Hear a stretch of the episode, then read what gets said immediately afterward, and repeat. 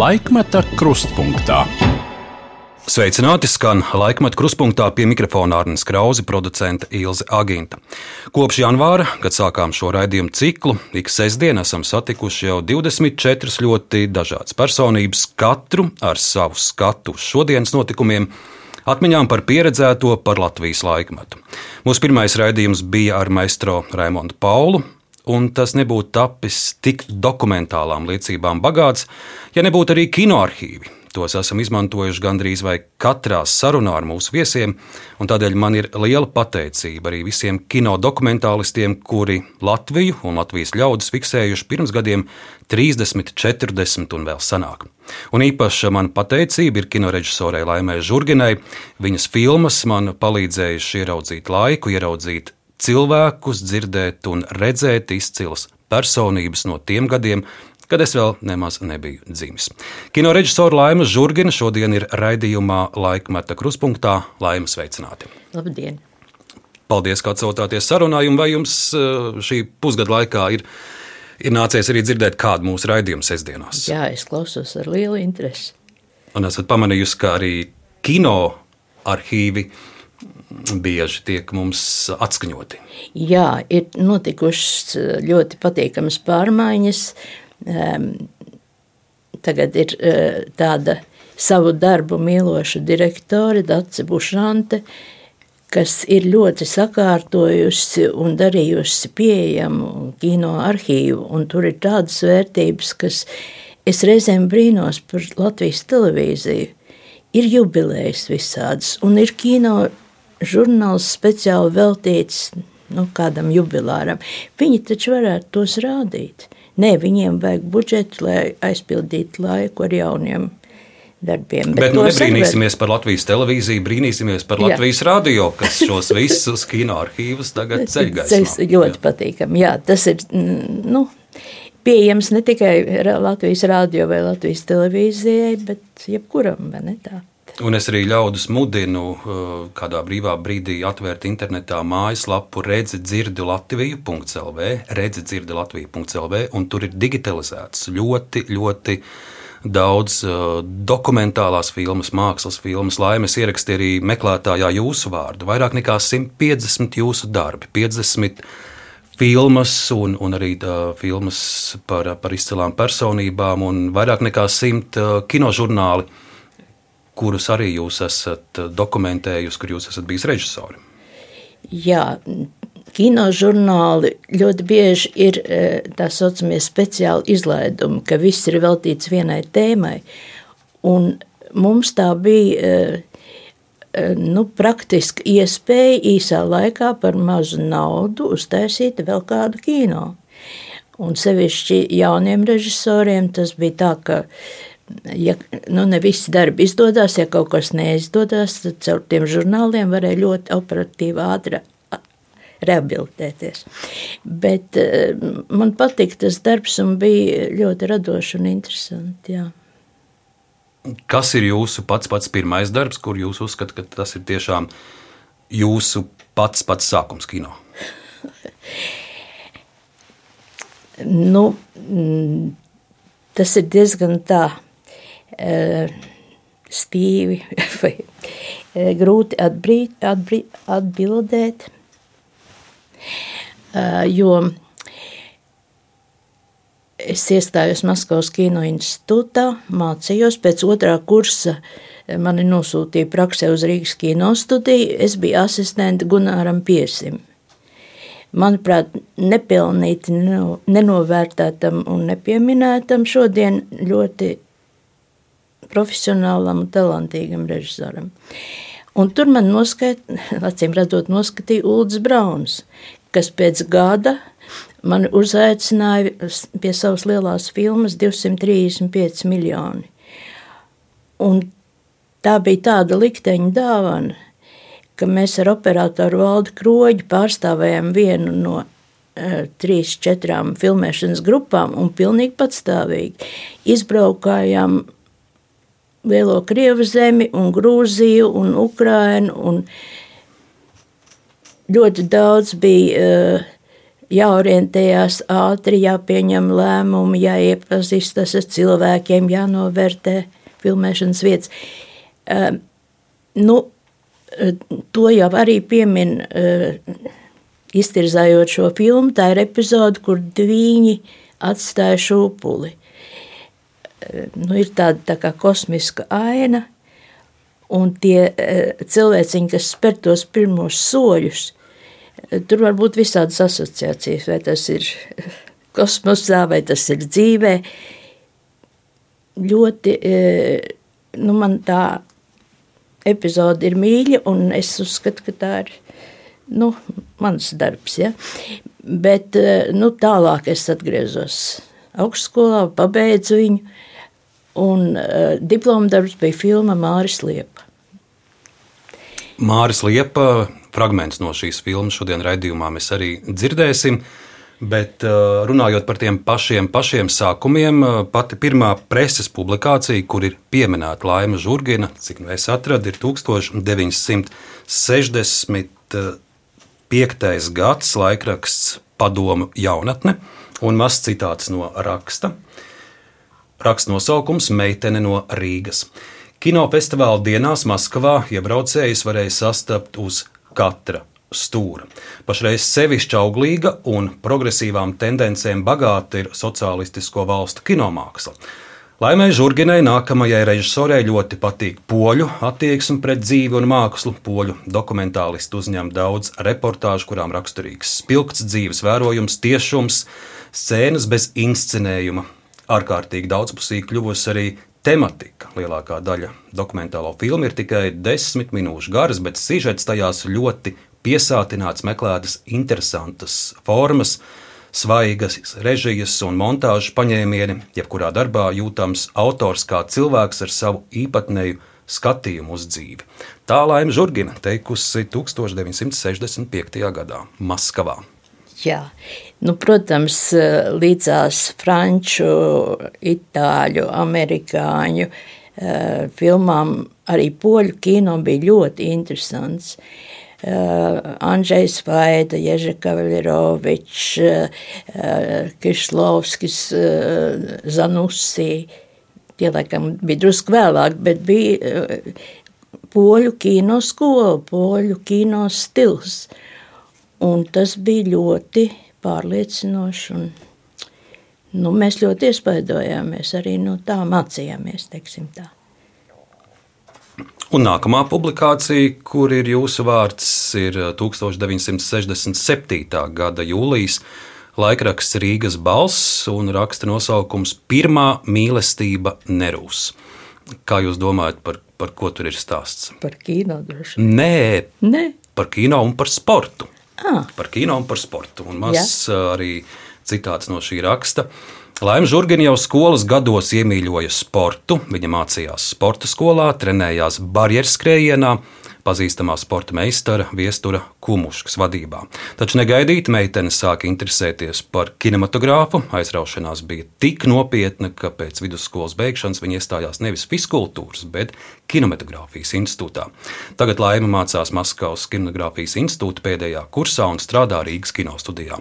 Un nu jaunajai režisorei bija jāiztur nopietnas eksāmens sportā. Viņa pabeidza savu pirmo pastāvīgo darbu, kino žurnālu, kas veltīts Republikas Spartakiādas sacensībām. Bet kā lai interesanti pastāsta par sacensību spraigo gaitu, kā lai desmit minūtēs liek skatītājiem sajust sporta karsto elpu. Laimas Zurginas debija bija veiksmīgs. Kino žurnāls guva labas atsauksmes un jau drīz parādīsies uz Republikas kinoteātru ekrāniem. Lūk! Jā, nu, varētu vēl visādus um, sākumus atcerēties. Tur sākumi ir daudz un dažādi. Jo, um, ja man ir atļauts atcerēties, uh, tā tad uh, interesi par kino man parādījās pēc, pēc vienas ļoti, varbūt jau piemirstas, bet tiem, kas ir redzējuši, tā ir uz mūža atmiņā, tā ir beigļu filma, kas saucās Kaijas mirstostā. Un man šo filmu nācās redzēt vairāk kārt, tā iznāca vienkārši. Un, un es pirmo reizi ieraudzīju, no kā sastāv kino. kas ir koplāni, tūplāni, detaļas, montāža, skaņa. Es pēkšņi ieraudzīju visu to struktūru, ja, un man tas likās ļoti interesanti, jo tur ļoti laba montāža un, un Lūk, un tad es sāku interesēties, kā es varu uz to mērķi tikt. Un es 14 gados uh, sāku ar fotografiju. Es pieteicos mazā ģildē, tur pagrabā bija fotostudija, kuru vadīja Vanda Poļakova.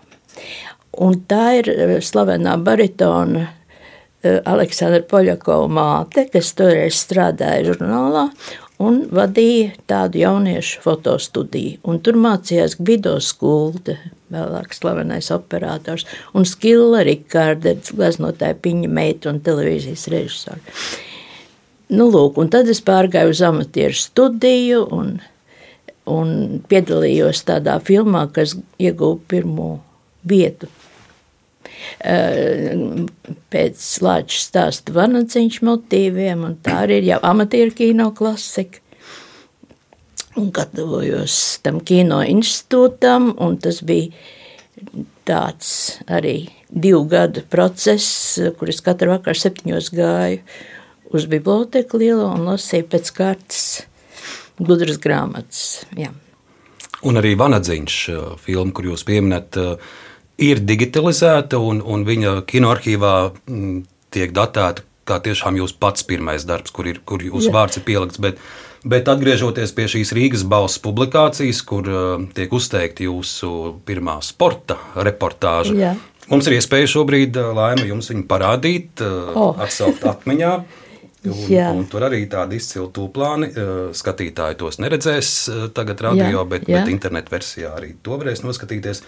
Nu, palūkosimies uz vienu no jūsu pirmajiem darbiem - sporta apskats.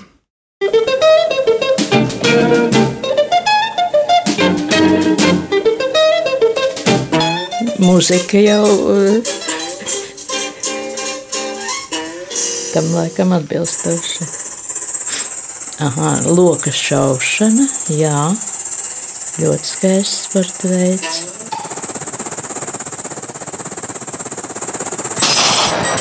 Sports ir tikai mazs. Jā, es domāju, ka diezgan tādas labas montāžas pārējas atrēt.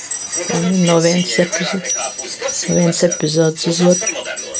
Apvienoti pieci sporta veidi.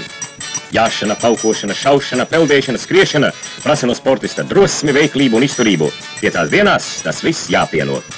Cīņa šajā sarežģītajā sporta veidā kļuva par vienu no centrālajiem notikumiem oktobra jubilejas gada Republikas Spartakiādēm.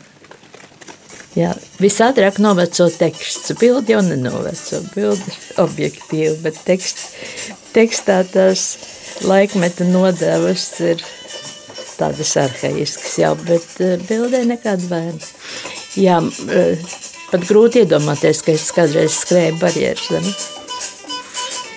Jā, es ļoti eh, labprāt nodarbojos ar sportu, un pēc tam mūs pār pārvilināja pie sevis uh, Harijs Sūna un Imants Magone, kas vadīja deju ansamblu, tā kā es esmu arī visu vidusskolas laiku dejojusi, deju kolektīvos pie šiem meistariem. Nu, šis bija tātad fragments no kinožurnāla Sporta apskats 1967. Eh, gads režisora Laima Žurgina operators Valdis Kroģis. Jā, Bet man liekas, ka tur ir arī Dāvis Simons. Ne? Un arī Dāvis Simons. Jā. Jā. Es jau zināju, ka man ir rūpīgi jāsagatavojas, jo jūs laima ļoti, ļoti precīzi gan savus laika biedrus atceraties, gan arī tos kolēģus, protams, ar ko kopā visi šie darbi ir veikti. Un vēl viens fragments, kuru es eh, vēlējos atskaņot un arī jums atsaukt atmiņā, jo Protams, jūs esat eh, dokumentējusi izcils personības un, un, un dažādas notikumus, bet, eh, bet man bija interesanti redzēt arī tādus daži, dažus sadzīves mirkļus eh, no mums zināmajām personībām. Es, piemēram, nu, nekad nevarēju iedomāties, ka, piemēram, Arkādijs Raikins ir savulaik ciemojies meža parkā pie džemas skulmes, un kopā viņi ir cepuši desas un, un, un, un dziedājuši un, un, un, un labi atpūtušies. Un šādu mirkli arī ir kino arhīvs saglabājis. Tas ir 1967. gada kinožurnāls Padomju Latvija, 22. numurs, režisore Laima Žurgina un virkne operatoru Mārtiņš Kleins, Valdis Kroģis, Ivars Seleckis, Dāvis Sīmanis. Stāsts ir par Krievijas Padomu Federācijas Socialistiskās Republikas dekādi Latvijā, bet šeit ir šis mans minētais fragments ar Arkādiju Raikinu, kurš um, draudzīgi pavada laiku ar džemu skolu meža parkā. Nu, Raikins ir rīznieks. Viņš te dzimis, te pavada vasaras. Šodien satīras meistars atnācis ciemos pie gleznotājiem Džemas Skulmes un Ojāra Ābola.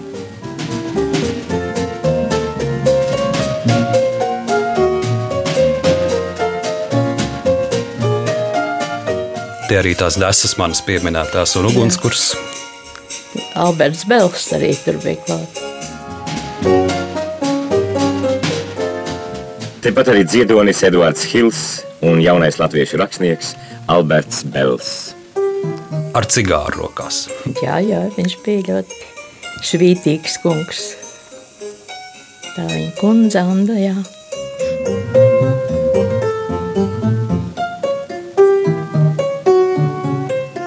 Nu, lūk, arī, arī šāda epizode 1967. Jā. gads. Eh, Es tik gribu piebilst, eh, Raikins tas ir labi, bet bija brīnišķīgs Kirila Kondrašina koncerts, un es no tā laika arī šo diriģentu ļoti novērtēju. Tā kā visu laiku uh, dzīve liek mācīties un uzzināt ko jaunu. Jā. Laimīgi, ja mēs raugamies uz šiem arhīvu fragmentiem, mēs, protams, varam secināt, ka mm, liela daļa jūsu dokumentāto ļaudis jau ir sen aizgājuši, bet uh, šo dokumentālo liecību vērtība ar, ar katru desmitgadu, ar katru gadu faktiski tikai pieaug. Tā ir.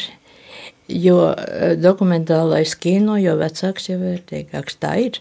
Tas ir pat uh, novērtēts. Uh, Ja arhīvā jūs gribat paņemt kādu materiālu, pasaules arhīvā, vienalga, kurā, tad mūsdienu materiāls ir daudz lētāks nekā tas, kas bija pirms simts gadiem. Kādēļ jūs uh, izvēlējāties dokumentālo kino, kas tik ļoti jūs šajā žanrā saista? To jums 1986. gadā radio raidījumā žurnāls Mozaika vaicāja Rasmu Ģēģeri, un tagad paklausīsimies jūsu teikto 1986. gads. Vajag filmēt cilvēkus, kamēr viņi ir uh, savs darbības kulminācijā. Tā radās vesela virkne filmu un arī kino žurnāla mākslu. Kas tad ir bijis pa to starp no Māra Liepas līdz tagad?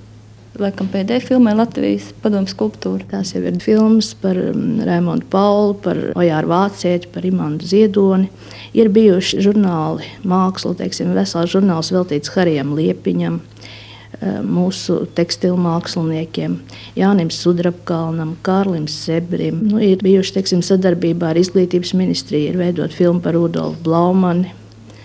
Filma par latviešu padomju tēlniecību. Es vienmēr ķeros tikai pie tā darba, kur es to cilvēku jūtu vai pazīstu pietiekoši. Savus varonis uz filmēšanas laiku ir nu, tā jāiemīl, tā platoniski, ja var tā teikt. Dokumentālais kino ar to taisni ir interesants, ar nepārtrauktu tādu jaunu informāciju, ar ļoti interesantiem kontaktiem, ar iespēju ieiet kādā jaunā pasaulē. Katrs cilvēks ir tik unikāls un tik bezgalīgi interesants, ka arī pie šādas tēmas strādājot, var ļoti dziļi un interesanti darboties.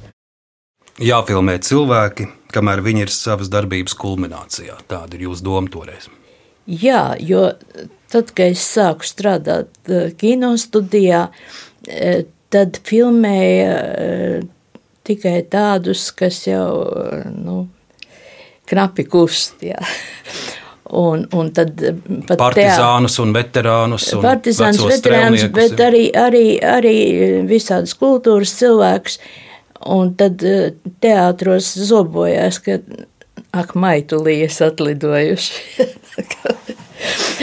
nu, un, eh, Tas man liekas labi. Es arī tagad domāju, ka ir ļoti labi, ka mēs Imants Ziedonu uzfilmējam, tad, kad viņam bija 40 gadi.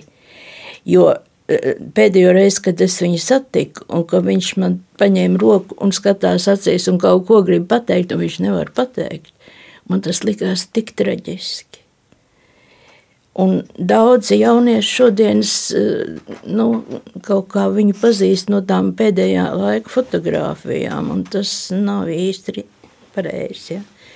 Jo nu, tāds ideja ģenerators un, un, un varētu teikt, viens no mūsu ģēnijiem. Ja, tāds nav. Un, un nevajag radīt par viņu iespēju tādu, kāds, kāds viņš ir, ka viņš vairs īsti nefunkcionē. Mums šodien raidījumā būs iespēja dzirdēt pat vairākus fragmentus no jūsu pieminētās filmas, jūsu veidotās filmas par Imānu Ziedoni. Arī būs fragmenti no portretu filmām par Raimonu Paulu un Māru Liepu, bet kā pirmo tādu lielu un pamatīgu jūsu darbu, es vēlos izcelt un vēlos sākt ar filmu Tie ir arī mani dēli. Un, ja nebūtu man, teikšu atklāti, jāgatavojas šodienas sarunai ar jums, es par šādu filmu neko nezinātu. Tā tapusi 1990. gadā režisora un scenārija autora Laima Žurgina, operators Miks Zvirbulis. Un filma akurāti ir ļoti aktuāla, manuprāt, arī šodien, īpaši šodien, ņemot vērā karu Ukrajinā. Un, uh, viņu, jā, viņu būtu jāredz cilvēkiem, viņu būtu jārāda televīzijā. Stāsts ir par padomju armiju, par miera laikā bojā gājušajiem puišiem, par savu dēlu traģisko likteni stāsta mātes Krievijā, Ukrajinā, arī Latvijā. Ļoti spēcīgs vēstījums, ļoti spēcīga filma.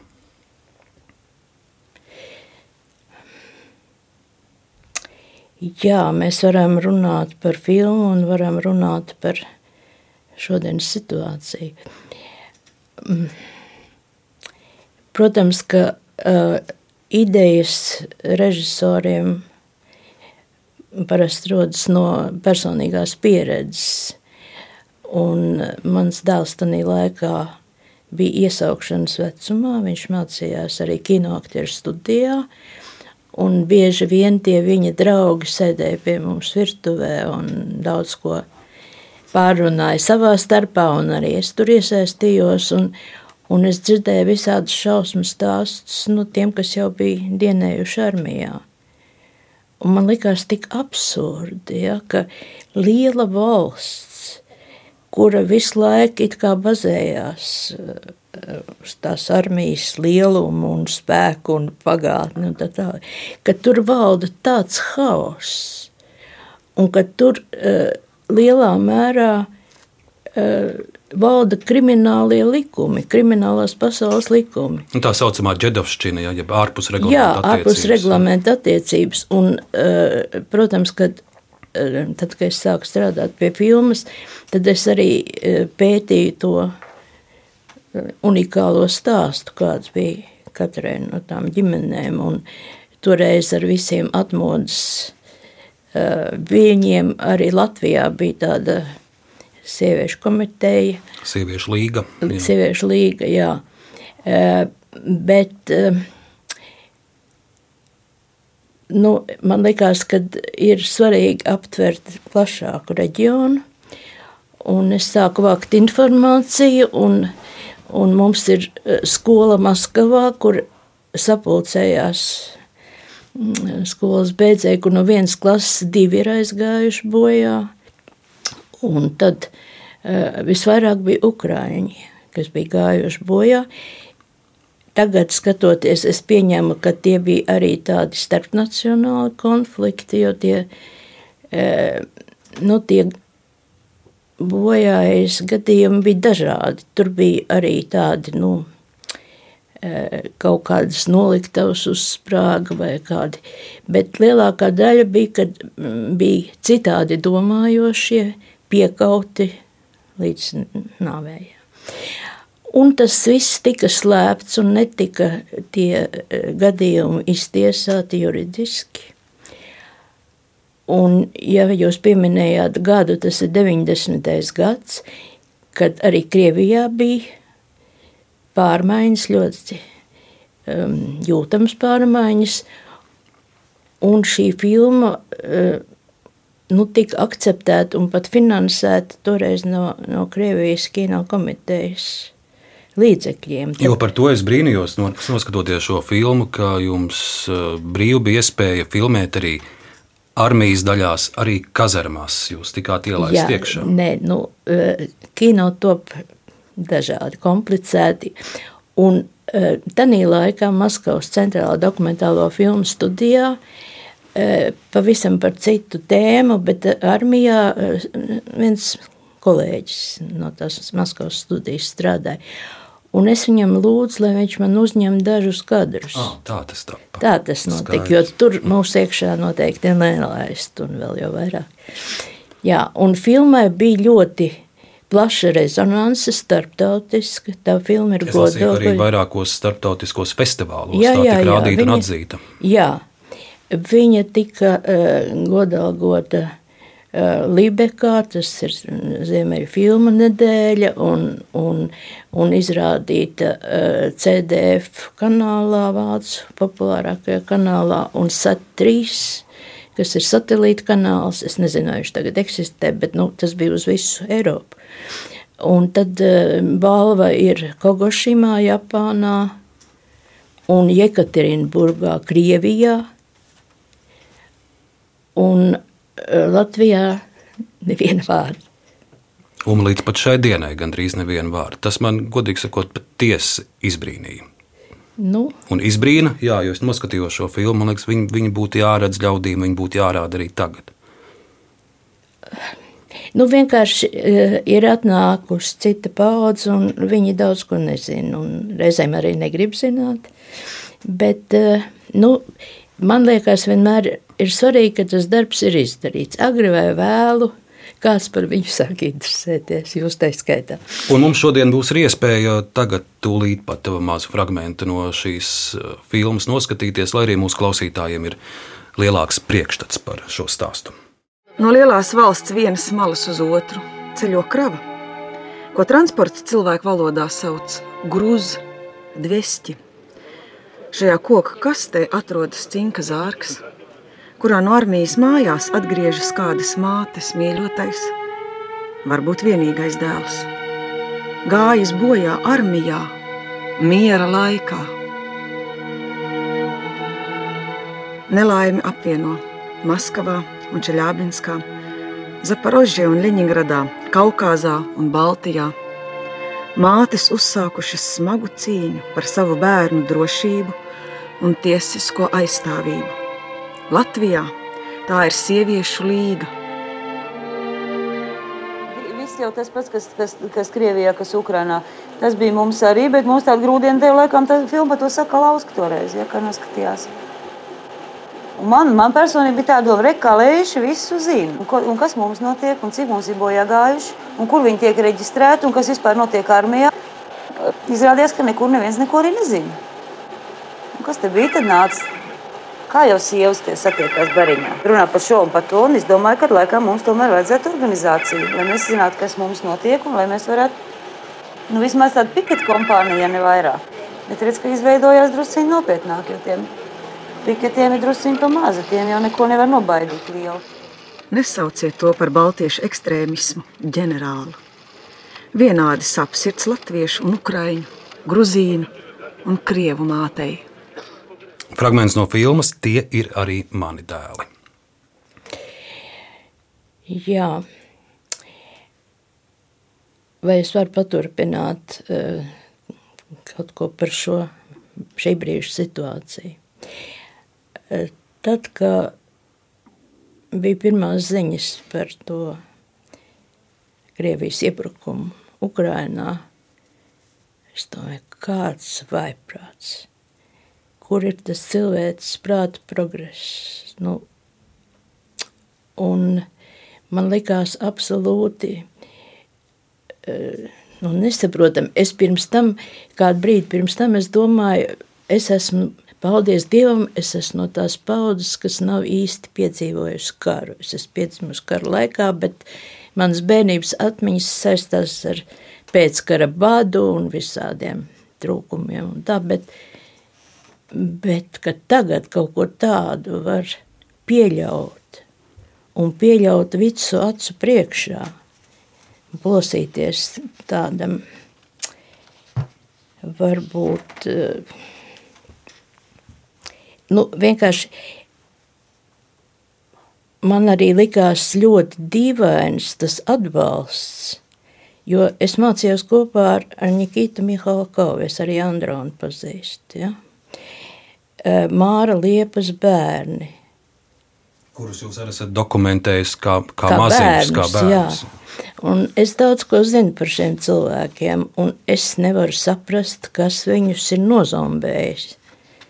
Kas ir tas, kas viņus ir nozombējis? Nu, par Mihālu Kovu viņam vēl pirms pāris nedēļām kārtējais ordenis Kremlī tika piešķirts. Un, un stāvēja viņš blakus Putinam. Putins tur jā, jā, rokas jā. kājas Putinam drebēja, es... bet Mihāls Kaus ļoti brašā balsī cildināja Putinu, cildināja visu to, ko Krievi šobrīd dara Ukrainā. Uh, es pat nezinu, vai viņi skatās vispār to. To realitāti. Viņi vadās no kaut kādas izdomātas ideoloģijas. Un, nu, Eh, Mihalkovi vienmēr ir uzsvēruši, ka viņi pārstāv uh, Krievu mužniecību.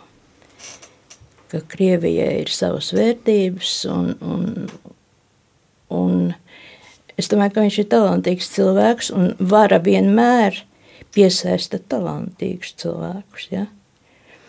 Uh, es, es ļoti ilgi neesmu ar viņiem tikusies, ne ar Andru, ne Ilzi, ne Nikitu jau vairāk, bet eh, nu, man tas nodarbina visu laiku. Kas ir tas, kas šos visādi eh, talantīgos cilvēkus ir, ir novedusi pie šāda vēsturiska negoda, es teikšu tā.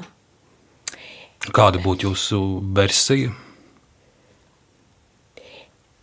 Es neizdaru secinājumus, kamēr man nav objektīvā informācija. Es nezinu, ko nozīmē šis krievu. Ruskī mir. Uh, pagalam, pa, pausu galam esmu dzirdējusi tādus apgalvojumus, kad vecā Eiropa ir nogurusi, deģenerējusies un amorāla un tā tālāk. Un kad Krievu nācija pārstāv to gaišās dvēseles un kaut ko tādu.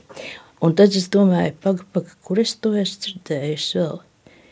Un tad es atceros uh, filmas par islāma teroristiem no Sīrijas, kur apmēram to pašu apgalvo. Un tad es sāku domāt, bet pagaidi, čečeni ir musulmaņi, un sīrieši karo Ukrainā.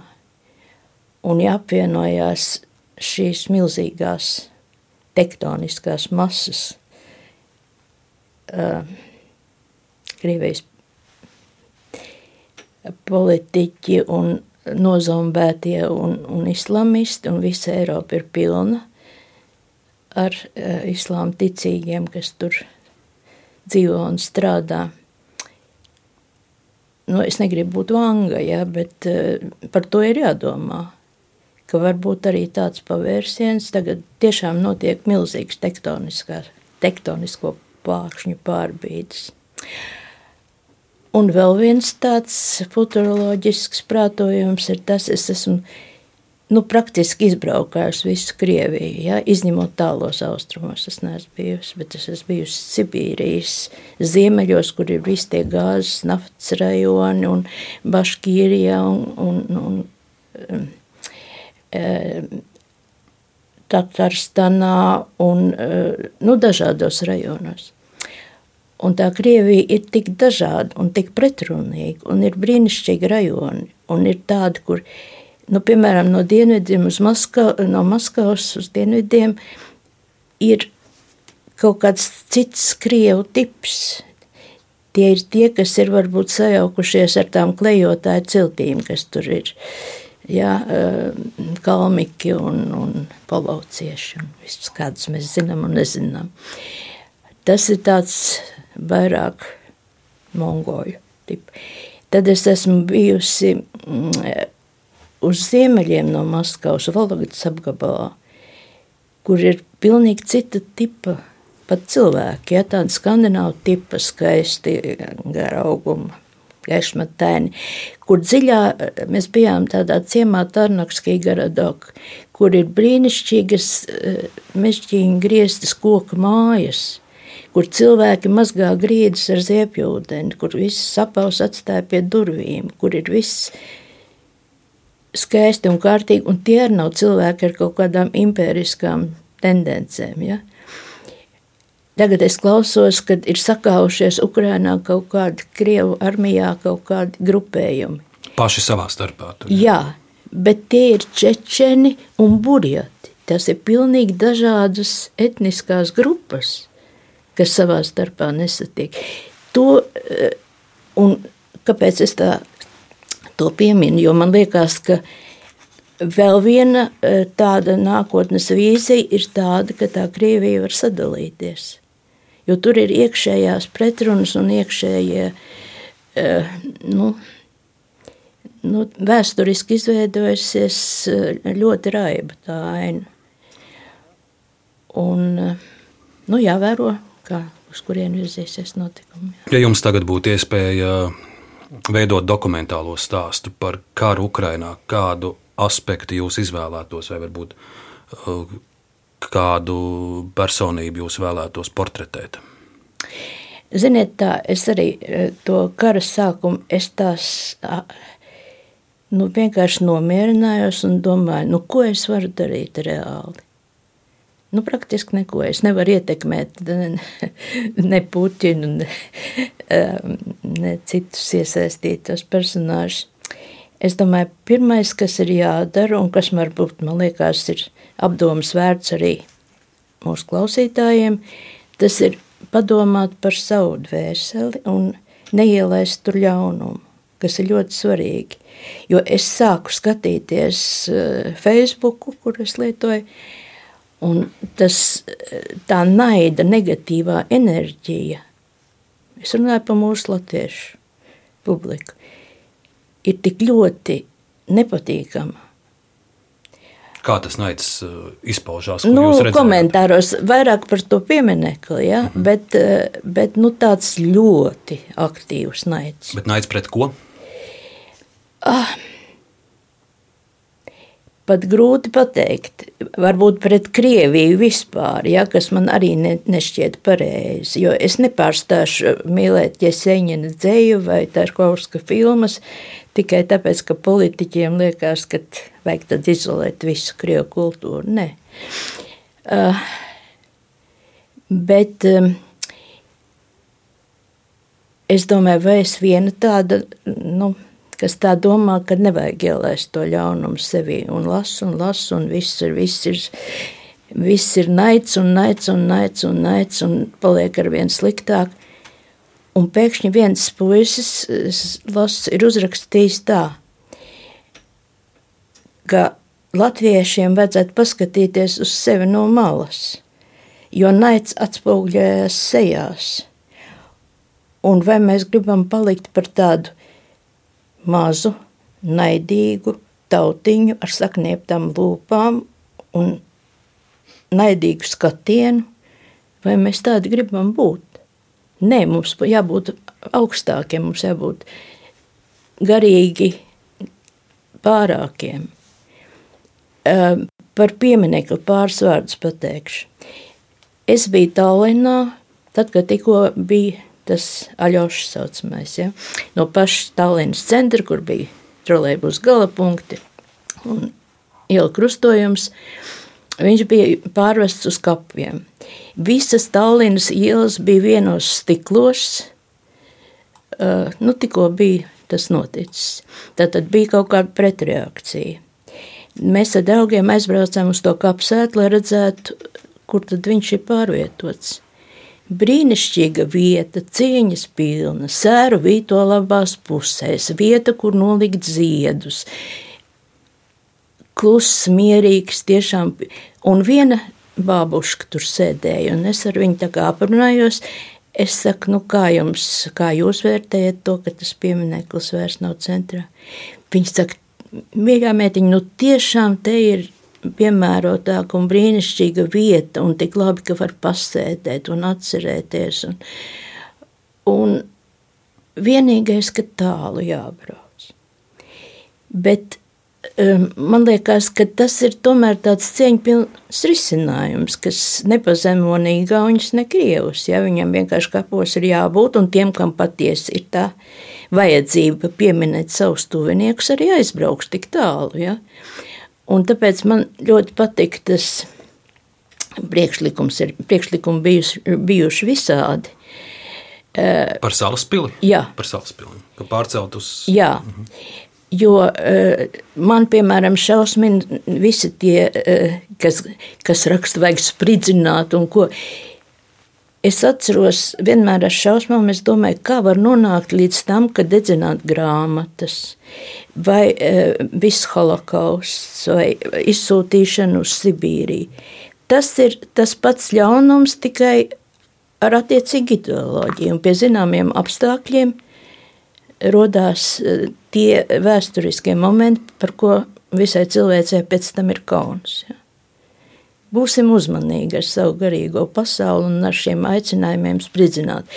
Pie tam eh, nu, es arī zinu Aivaru Gulbi.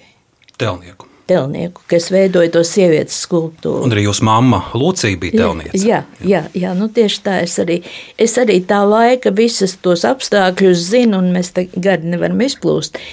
Bet vara vienmēr meklē talantīgos cilvēkus, lai viņus pievērstu eh, saviem mērķiem. Un Aivars Gulbs ir viens no savas paudzes talantīgākajiem telniekiem. Un, uh, ja tas darbs būs salaspilī, tad būs saglabāta latviešu pašcieņa, būs saglabāta Aivara Gulbja radošā biogrāfija, un kam vajadzēs, nebūs liekts tur braukt. Bet uh, kaut ko spridzināt, man liekas, tas ir tikpat ļauni un mm, nevajadzīgi tā kā, tā kā to daži iedomājās. Pārsteidzīgie, kas neredz lietas dziļāk. Mēs esam runājuši par šodienu un ļaunumu, bet uh, pēc brīža atkal atgriezīsimies pagātnē un sastapsim uh, izcils personības, kuras jūs laimē esat dokumentējusi Rēmons Pauls, Māris Liepa, Imants Ziedonis, arī Evalds Valters. Tas viss jau pēc īsa brīža skan raidījums laikmet kruspunktā.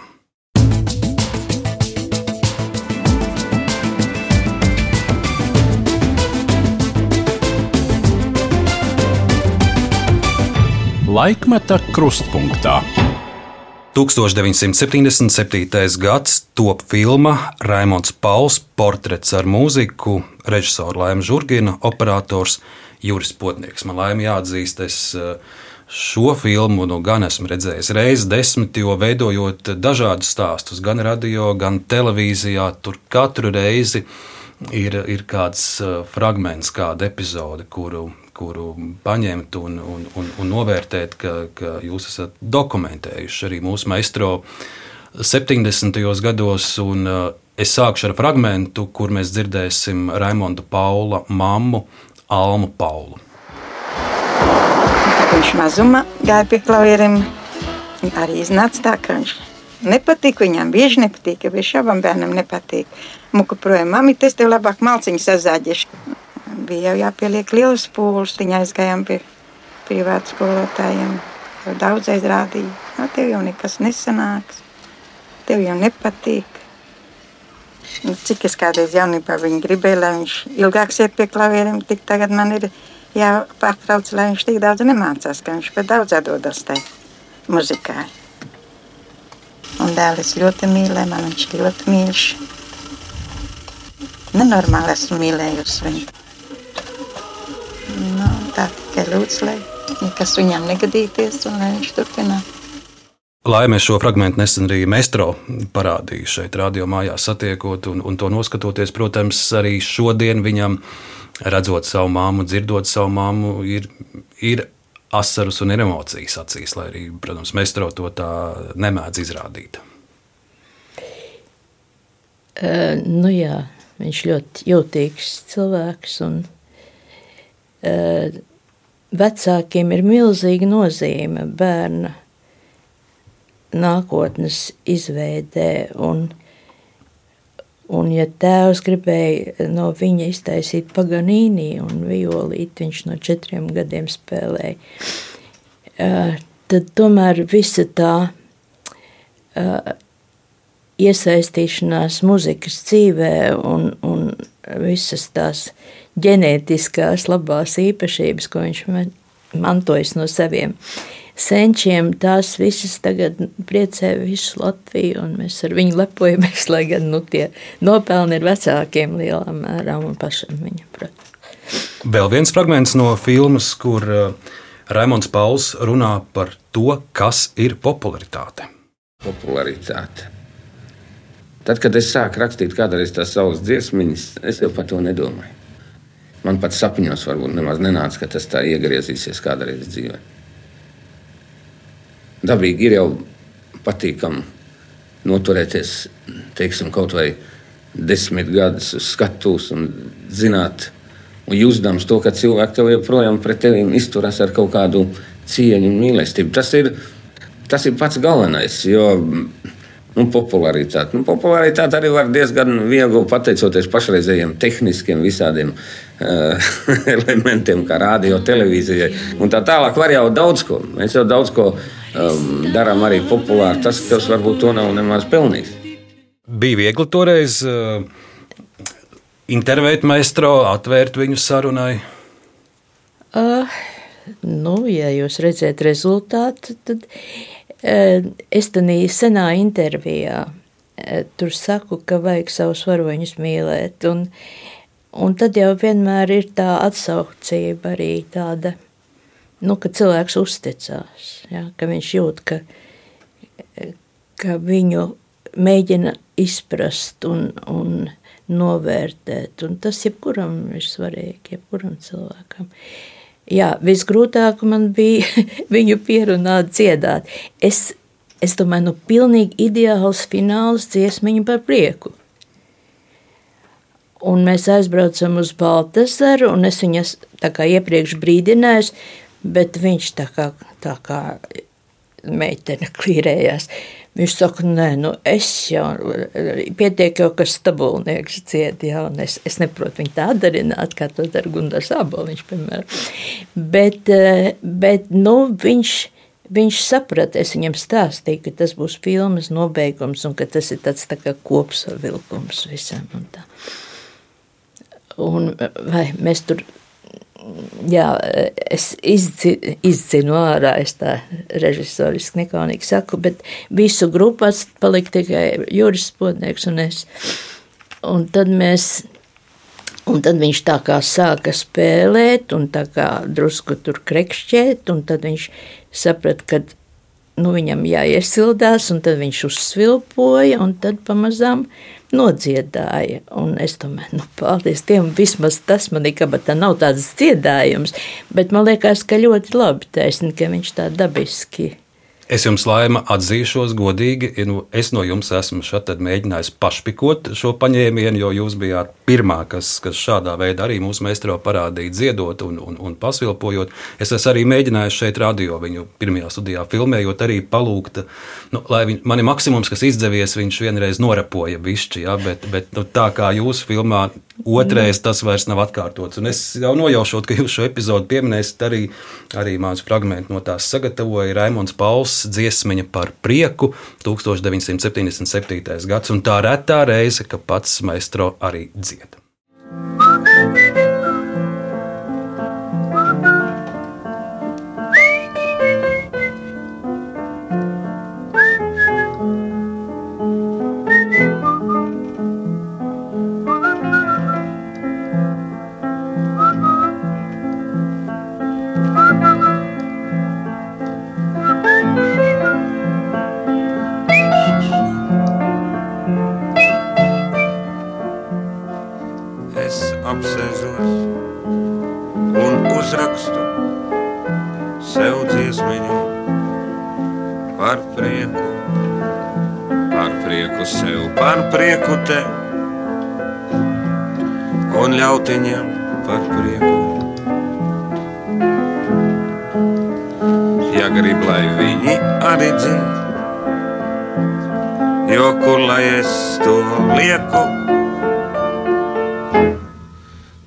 kur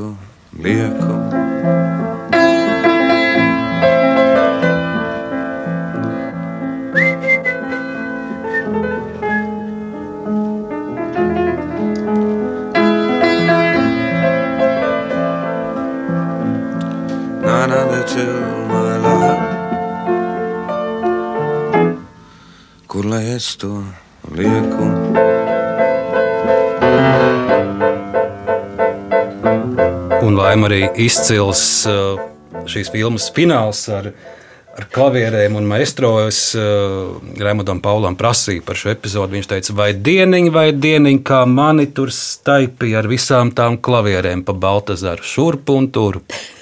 Nē, nē, nu, viņš pārspīlēja, kā jau mākslinieks. E, Bet klavieres jūs tur Nē, nu, mēs, e, bet tas bija bez Paula. Mēs vienkārši iznesām ārā viņa pianīno un lietus sākās un Baltazars un klavieres lietu. Tas ir ļoti emocionāli, vai ne? Nu, e, vienkārši e, no Ulda Brauna un visiem tiem kolēģiem, drusku vecākiem par mani, es e, nu, mācījos to tēlēno domāšanu un tādu attēlu, emocionālo iedarbību uz skatītāju. Tā kā es vienmēr meklēju tos mākslinieciskos tēlus un, un, um, nu jā, un cenšos strādāt ar operatoriem, kas to saprot, kas arī tā līdzīgi domā. Un divus gadus pēc uh, šī darba par meistro jums top nākamais izcilais portreta dokumentējums Imants Ziedonis, portrets locījumos. Un šeit, manuprāt, nezinu, kam tā bija jūsu ideja vai, vai paša dzinieka, tas veids, kā viņš par sevi, par savu dzīvi, par saviem vecākiem izstāsta.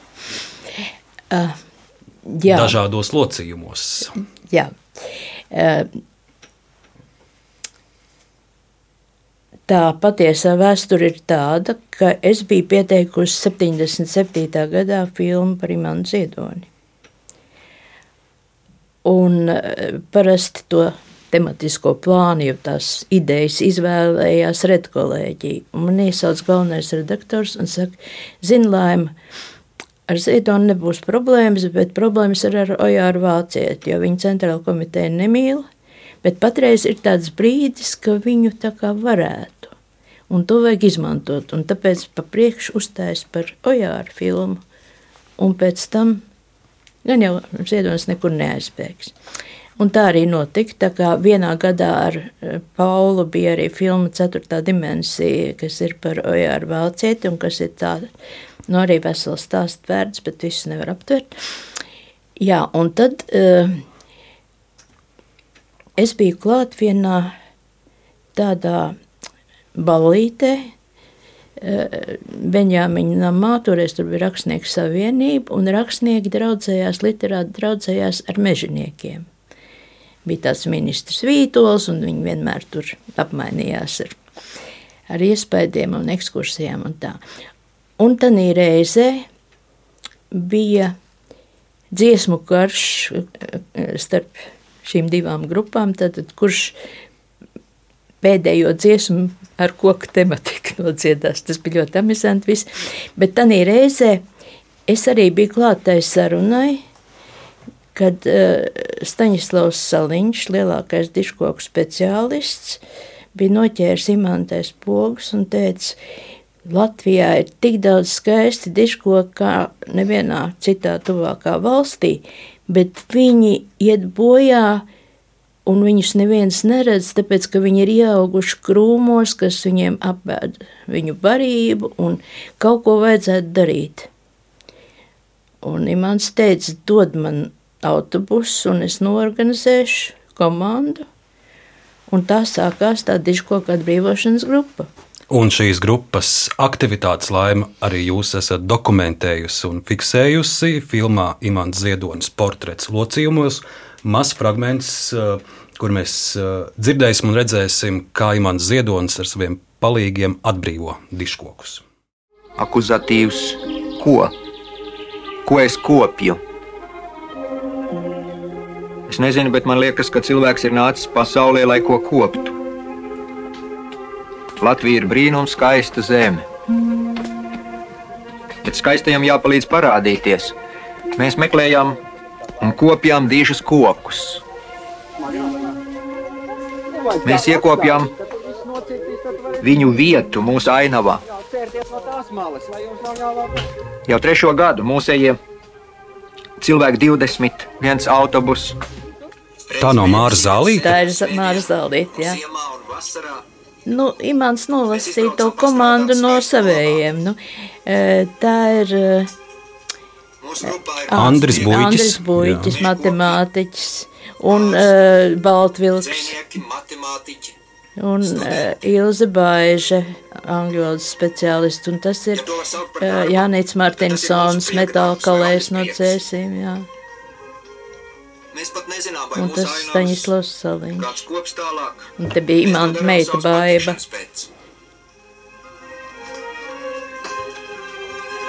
Un tas mans dēls Ikars arī brauc līdzi. Ar cirvi. Nu, jā, viņam tādu mazu cirvīti Mm. sagādāja. Te ir uh, Anna Žīgure. Jā, tiešām tā ir viņa. Jā, un tas ir uh, Eniņš. Slavenais Eniņš. Gunts Eniņš. Jā.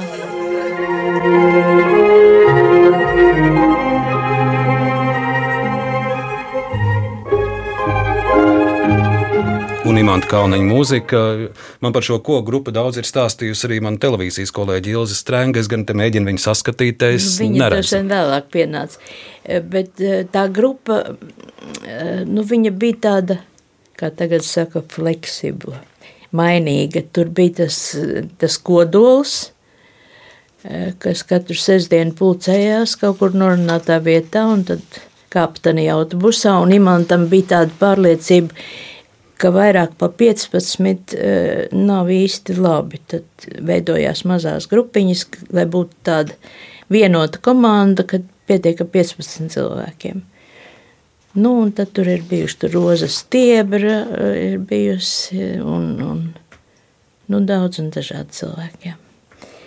Jā. No šīs filmas man pašam vēl viena interesanta epizode bija par motociklu. Tas ir arī šāds Jā, nosaukums, viens jā, no pirmajiem jā. Imants Ziedoņa darbiem, bet šeit ir dokumentēts īsts motocikls.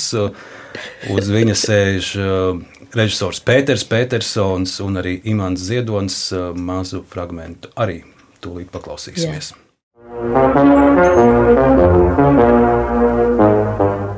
Pēters Petersons pamodināja manī domu par visnopietnāko cilvēku pasaulē ākstu.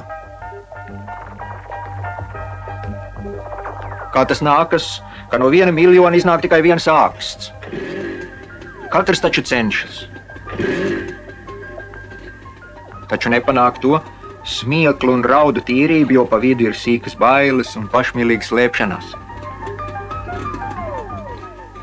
Āksts ir pliks. Man šis teksts ļoti patīk. Jā. Starp citu, tas ir mans motocikls. Petersons to izveda uz teātras skatuves un piedzīvoja tam simto izrādi un simtos aplausus. Jā, nu tas ir uh, brīnišķīgs uh, jau teātris vēstures šedevrs, uh, dzīslis teātris, ko Pēters Petersons ievies. Un, un es biju arī uz tām motocikla izrādēm toreiz. Un, Un ies, ļoti iespaidojos.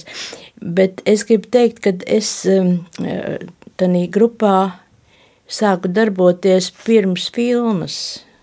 Koku grupā. Ja? Jā, koku grupā. Uh, jo es tagad arī novēro, novēroju, ka uh, imanta personība uzdzen tādu nevajadzīgu pietāti, ja viņš ir tā pārvērties pa leģendu, bet uh, um, pirmkārt uh, es uh, nu, vienmēr, jebkura autoritāte man nav nepieejama. Es skatos, ka, ka katrs ir cilvēks, ja, un no tā izjūt.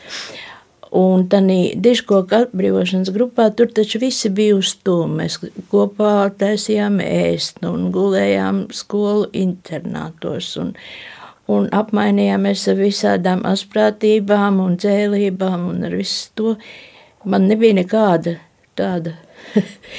Un es saprotu, arī dažādas, bet- dažādas pat dūlības ir bijušas arī ar pieminēto dūlības. Strengu. Nu, labāk to, lai viņi stāst pat. Mēs viņu saucām par trako īlas, jo viņi tiešām bija. Nu, gatavi. vienu dūlību izstāstiet, lūdzu. lai viņi pats stāst, viņi tad būs, varbūt, varbūt viņai negribās, lai to stāst. Bet, nu labi, mēs, piemēram, nakšņojam kaut kādā skolas internātā, un vienā tāpā meitenes un otrā zēni, un, un viņi bija pilnīgi gatavi uh, uh, imānu ziedoņu bikses noslēpt pa nakti, lai viņš no rīta meklēja. Nu, tāds, uh, es vienkārši gribu teikt, ka tā, tā sadraudzēšanās un sapazīšanās man ļoti uh, atviegloja arī darbu pie tās filmas.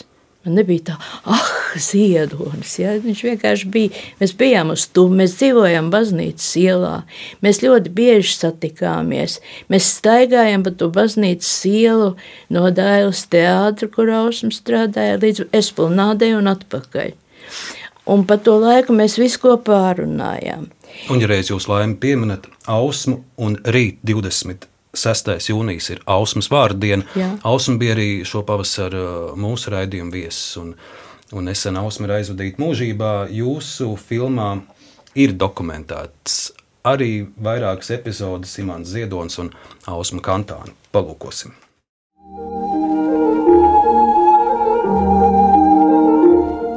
Jā, Imants Kalniņa mūzika no ezera sanāca. Ausma, auķis.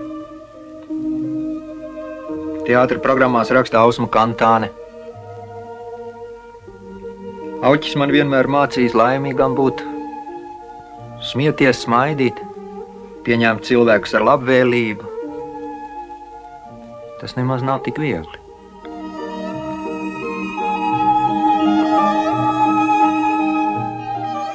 Ir mūrjāņi, Lorupas grava un viņa mūrjāņu mājā. Jā, auķēts arī ir prom. Nu jā. Gan jau viņi tur satiekās. jā, vienkārši um, nevar uh, arī tā ļoti racionāli izstāstīt, kā to filma un cik kurš ko ir darījis. Ja, jo, um,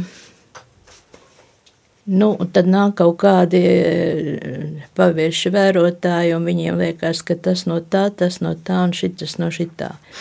Šī filmā uh, ir ļoti savies tas viss, ko es jums te stāstu. Ja? Visas mūsu sarunas, visi mūsu uh, strīdi varbūt, un, un, un gala rezultāts. Un, un, um, mēs pārspriedām dažādus variantus. Es biju iedomājusies bazēties uz viņa epifānijām, jo tur ir ļoti skaisti arī tie tēli, pilnīgi vizuāli, ja, ka viņš ir tikko pamodies un tā bērnības ainas un aka un viss tas. Uh, un, un viņš saka, jā, bet to jau nevar parādīt, un viņam vienmēr liekas, ka, kad dzējā var dot vairāk to telpu fantāzijai, jo tās ir konkrēts, un tā mēs par to daudz diskutējam.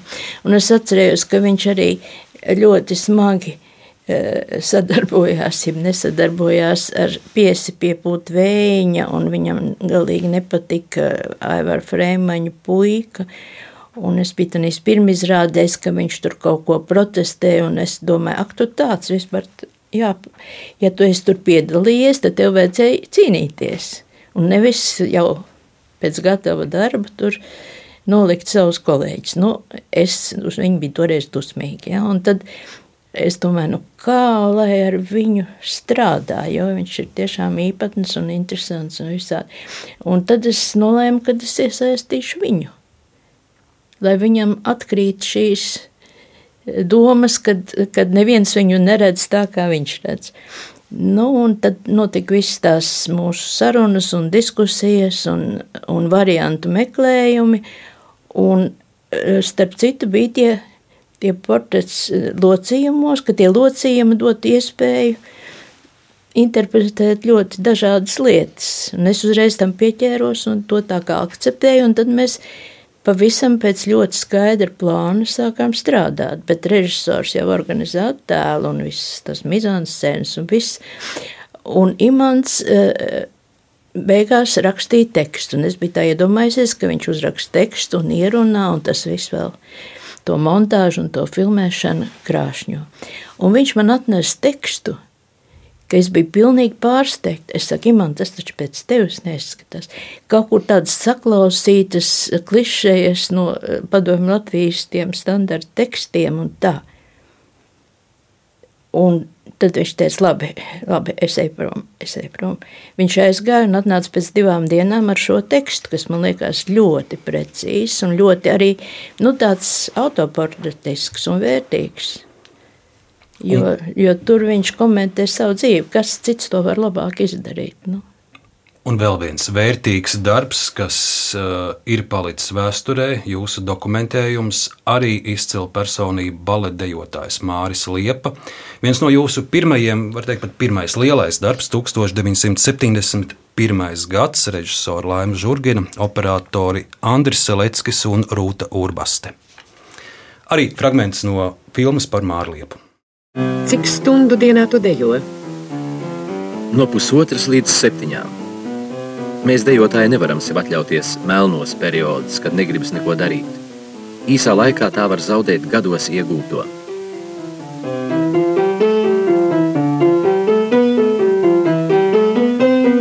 Es kādreiz vācu baletdejotāju attēlus. Viens no dejotājiem bija uzrakstījis tā: Dejo droši un nevienu neatdarini. Ar sevi satikos Gulbju ezerā, kad dejoju jau simtiem reižu pirms manis tēlotu lomu. Saprotu, ka nav jēgas iemācīties to, kā dejojas cits. Tā drīkst darīt štancētājs, bet ne mākslinieks. Klasiskajā baletā vīrietim ir it kā otrā vieta. Vai tu viegli ar to samierinies? Arī dzīvē vīriešu misija taču ir sargāt, mīlēt, rūpēties par sievieti.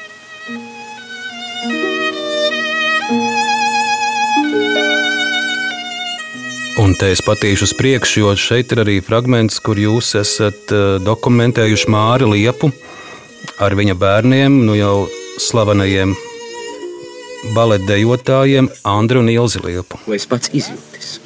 Man patīk dot citiem, ko zinu. Jā, te viņš Maskavas koreogrāfijas skolā pasniedzējis. Kurš no tiem mazajiem ir Andris Liepa pa vidu? Jā. Tas ir Andris Liepa. Abi tavi bērni mācās baleta skolā. Jā, tikai man diena ir aizņemta no rīta līdz vēlam vakaram. Cik ilgi mēs esam kopā? Vai katru dienu? Paies nedēļas, mēneši, un ar Ilzītu un Andri mums vienos tikai domas un telefona vats. Es būšu kaut kur pasaulē, aiz valsts robežām Par mums padomi māksliniekiem rakstīs, mūsu fotografēs un intervēs. Es saprotu, ka arī pēc filmas tapšanas 71. gadā ar, ar Māru Liepu jūs ar vienu vēl cieši kontaktu uzturējāt. Jā, um, tā filma bija mans diplomdarbs beidzot Maskavas kino institūtu. Tā kā es dabūju mākslas maģistra grādu.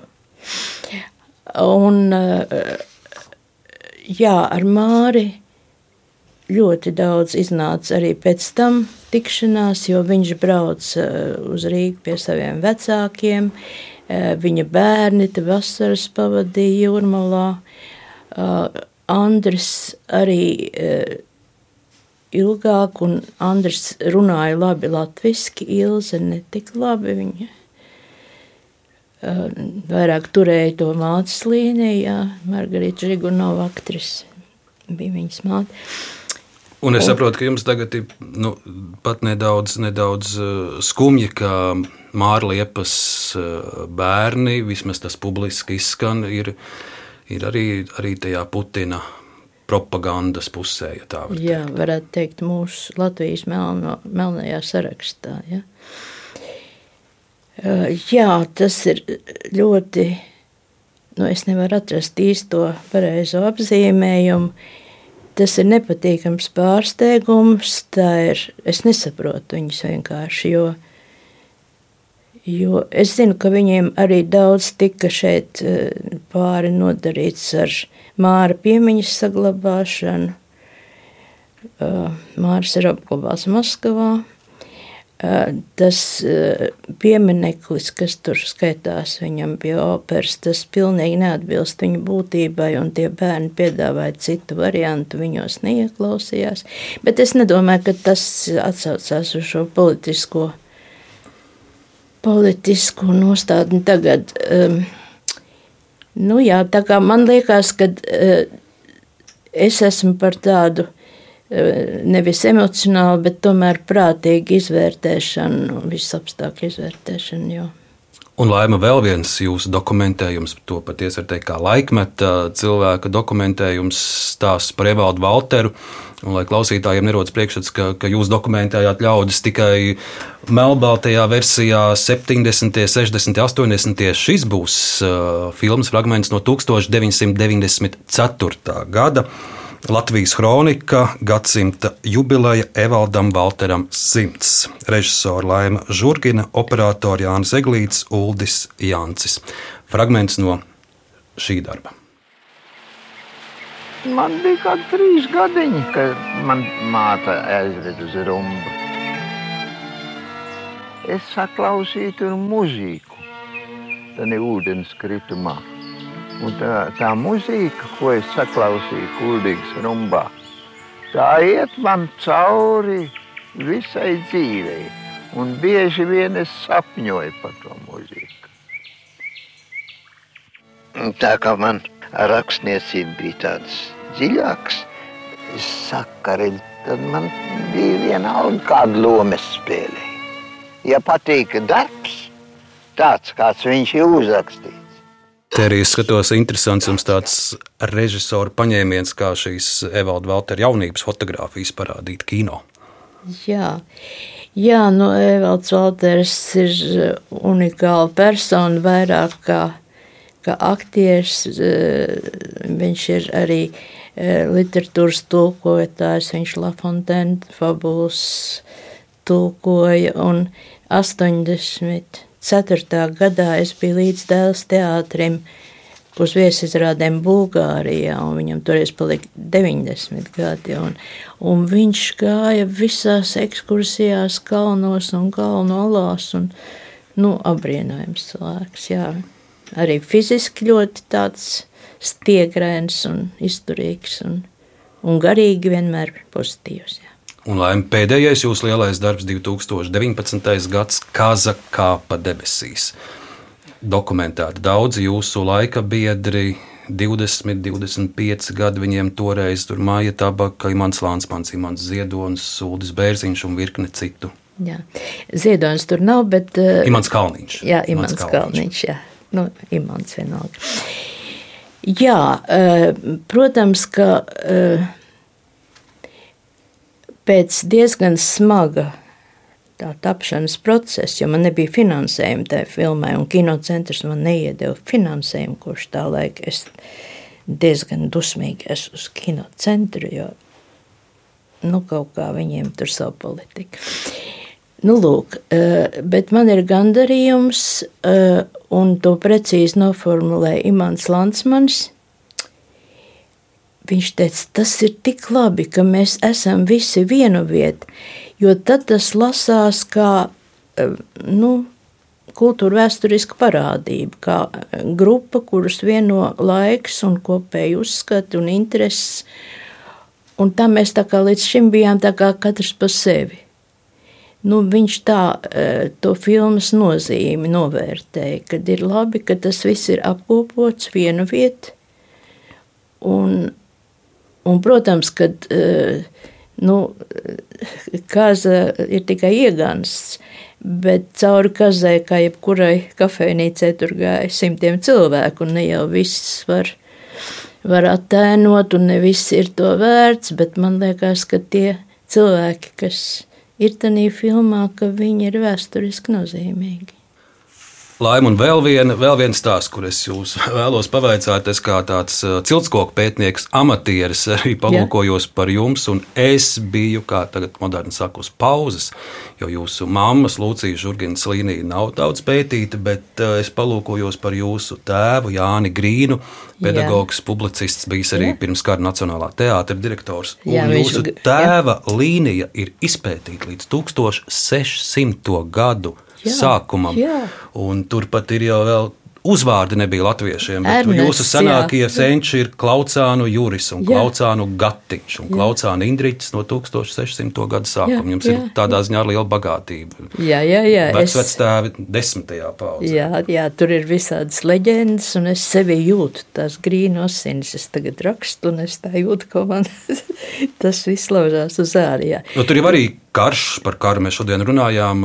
Jā. Karš lielā mērā izšķīra arī jūsu ģimeni, jūsu jā, vecākus, jā, jūs uzaugāt bez tēva, bet jūsu tēvs bija arī pedagogs. Un, un saprotu, Viņa galvenais nopelns bija literārais žurnāls Daugava. Un tas, ka viņš pavēra iespējas un novērtēja daudzus tā sauktos viņa krustdēlus. Tur ir Anšlaus Eglīts, tur ir Eriks Ādamsons, tur ir Vilis Cedriņš, tur ir Jānis Medenis un uh, visi vēlāk uh, veiksmīgi dzēnieki. Un uh, tiešām viņa, viņa draugs no no pļaviņām, no tās sēlijas puses Jānis Jaunsudrabiņš. Un ar Anšlovu viņš sarakstījās, viņš 68. gadā mira Stokholmā.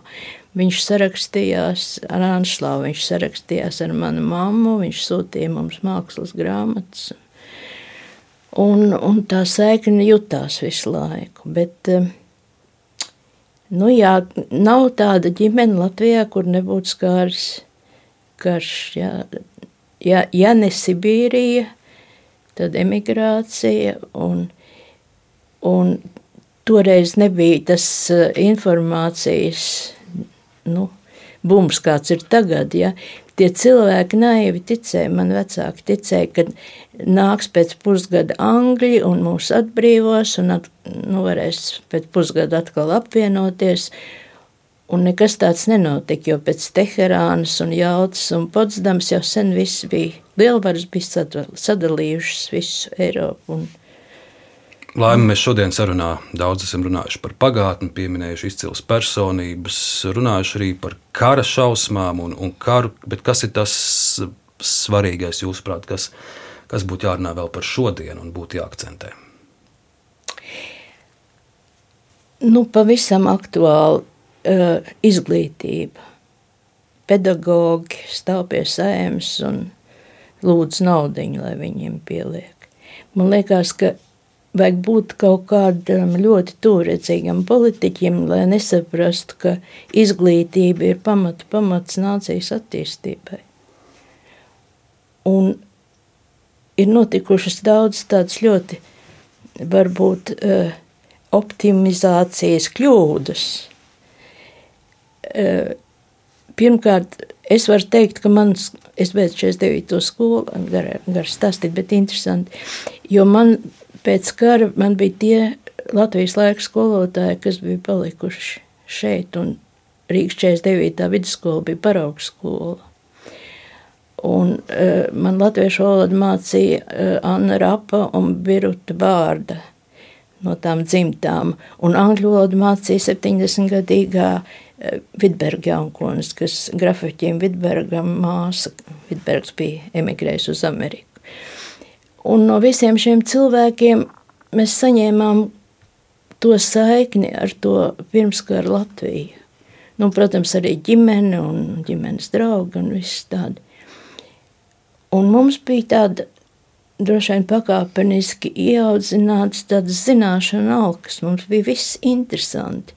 Man, piemēram, vienlīdz labi padevās literatūra un visādi literārie konkursi, un, eh, un man ļoti patika matemātika, jo bija brīnišķīgi skolotāji.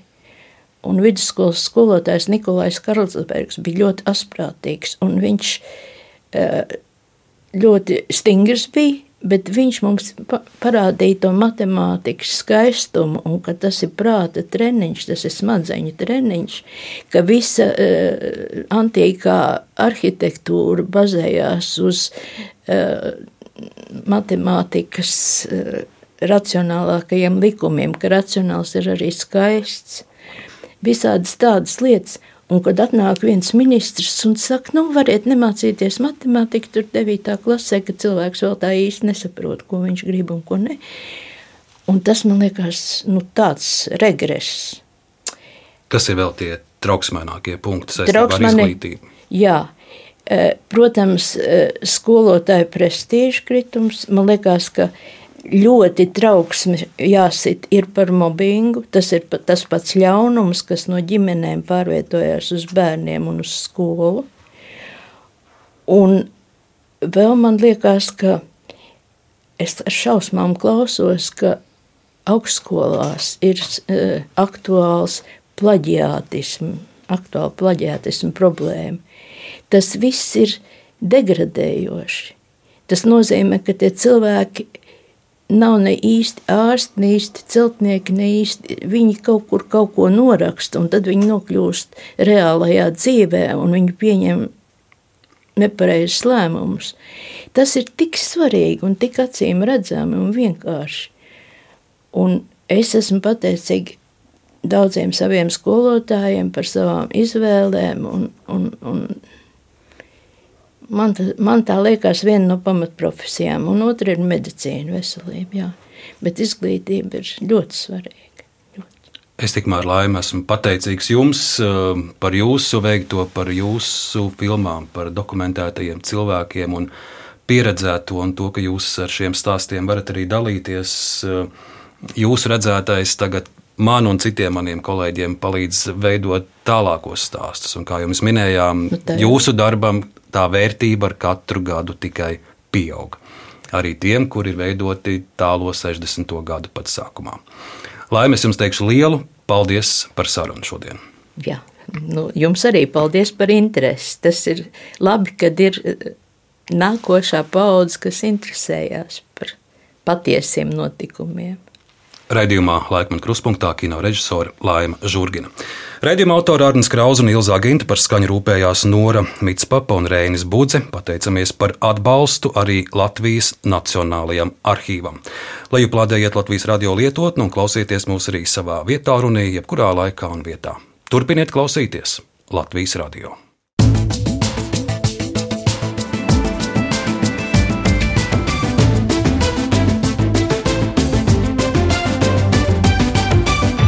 Laikmeta krustpunktā.